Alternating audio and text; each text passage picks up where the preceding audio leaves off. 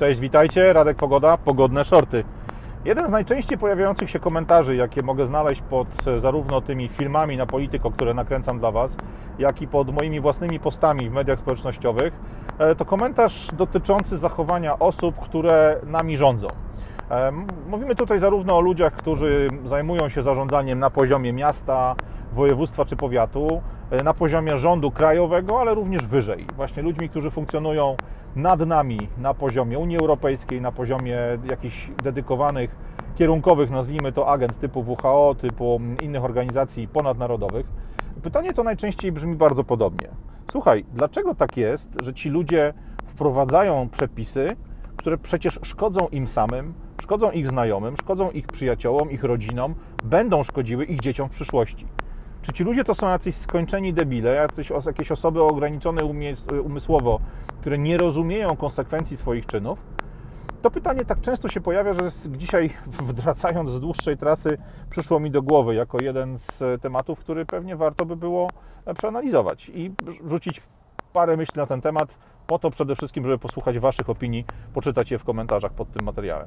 E, według mnie ci ludzie cały czas noszą w sobie coś, co najstarsi z nas, ci, którzy mają lat 40 i więcej, pamiętają z czasów tak zwanej głębokiej komuny. E, ja jestem młodym w miarę człowiekiem, mam lat 45, e, rocznik 76, pamiętam więc tylko końcówkę PRL-u i dla mnie takie terminy jak Pewex, jak Baltona są czymś zupełnie, zupełnie oczywistym. Kojarzą mi się z możliwością zakupu za dolary lub za tak zwane bony walutowe towarów niedostępnych nigdzie indziej.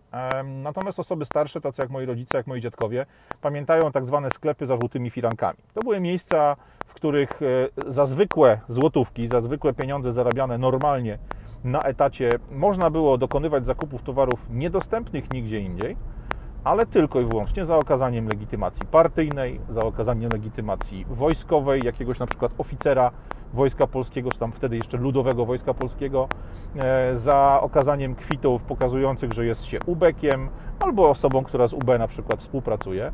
E, te sklepy takie właśnie jak Pewex, jak Baltona, te sklepy z żółtymi firankami, były tylko częścią tych e, dodatków, tych ekstrasów, które zyskiwali ludzie, którzy byli posłuszni tej właśnie władzy, która wtedy Polską rządziła. Oprócz sklepów były jeszcze zamknięte osiedla, były jeszcze różnego rodzaju ośrodki wczasowe, do których nie miał wstępu nikt z tak zwanej tłuszczy. E, były wszelkiego rodzaju dodatkowe bajery, dodatkowe ekstrasy, które przysługiwały wyłącznie tym, którzy władzą byli lub którzy z władzą dobrze żyli, dobrze funkcjonowali. E, myślę, że wielu ludzi, którzy dzisiaj nami rządzi, zarówno tych właśnie na poziomie e, zarządzania ministerstwami, zarządzania całymi krajami, czy powyżej poziomów krajowych, na poziomie właśnie Unii Europejskiej, ONZ-u, organizacji takich jak WHO i paru innych, myślę, że wielu tych ludzi ma bardzo podobne przemyślenia.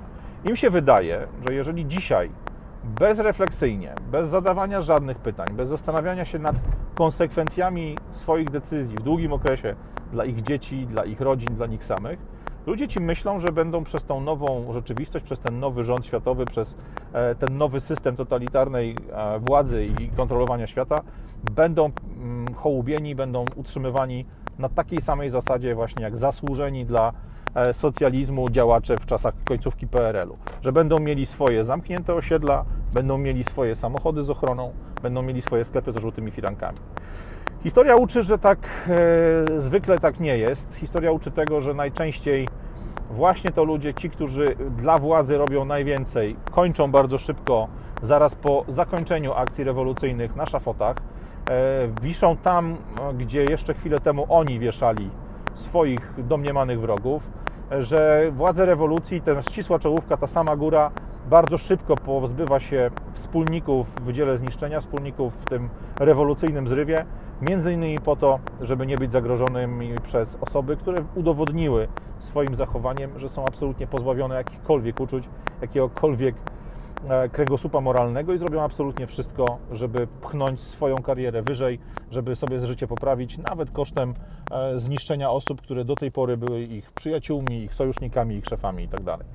Ciekaw jestem Waszej opinii, na co liczą ci, którzy rządzą nami, którzy wprowadzają przepisy o lockdownach, którzy nakazują nam e, wszelkiego rodzaju ograniczenia sprawiające, że dzisiejsza swoboda podróżowania praktycznie nie istnieje, że aby przejść przez bramki na lotnisku, to nawet jeżeli w kraju docelowym nie ma żadnych przepisów covidowych, my jesteśmy nadal zmuszani do testów, zmuszani do tego, żeby legitymować się jakimiś dokumentami.